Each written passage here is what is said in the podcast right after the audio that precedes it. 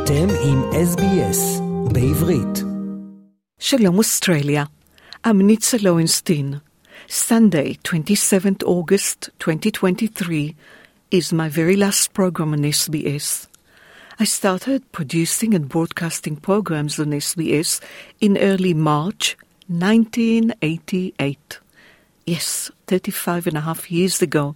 I still remember my very first program. in addition to news and affairs, I produced a feature about my favorite comedians called the Gashash. I had less than 24 hours to prepare the program and no trainings at all.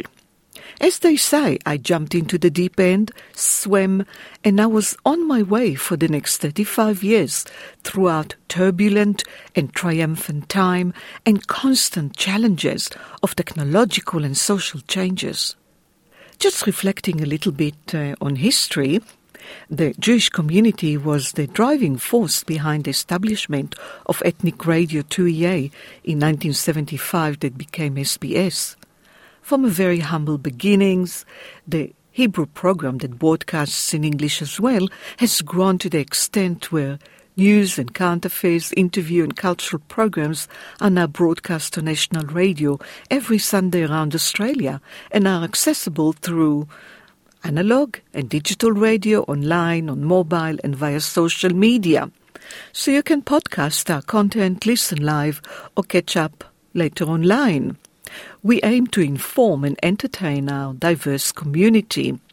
When I started 35 years ago, we didn't have computers and Google was just a funny word. Editing interviews on reel to reel recorders was a slow and laborious process. I enthusiastically moved on with the times and the new technologies and easily adapted to the challenging world. I enjoy editing my audio with the most advanced and sophisticated software available. I considered myself uh, extremely fortunate that our programs have been a showcase, so called, to our listeners of the most incredible people who make a difference to the world. The guests list of the program is so long, colorful, and impressive.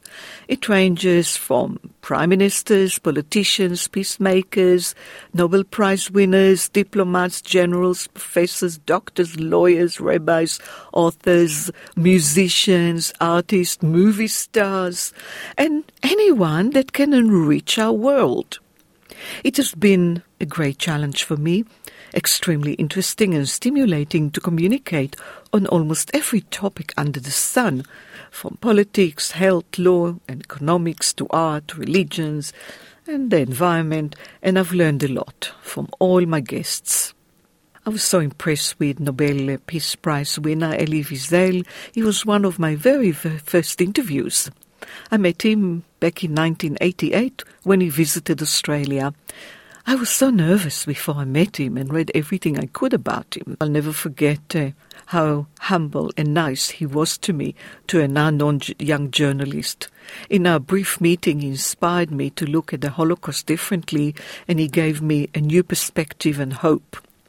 I will never forget Benjamin Netanyahu's warnings to our listeners about nuclear Iran already 25 years ago, and my casual chat uh, and peace message from Israeli President Shimon Peres in Eilat in 1994, a few months after the Oslo Accords.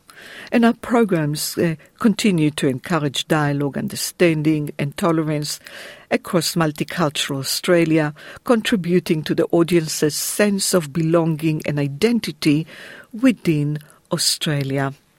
I'm proud to be Australian, and I must say that the past 35 years have been an incredible journey for me. And I, I really hope for you as well. I would like to take the opportunity thanking you, our listeners around Australia and wherever you are around the world, for being part of my journey. Thank you for your love, encouragement, and your support. I would like to thank my husband Arthur and my children for being supportive of my passion, the radio, and putting up with my weekends at work away from them. I couldn't do without their love and understanding. Shalom from me, מיצה לוינסטין. רוצים לשמוע עוד סיפורים? האזינו דרך האפל פודקאסט, גוגל פודקאסט, ספוטיפיי, או בכל מקום אחר בו ניתן להאזין לפודקאסטים.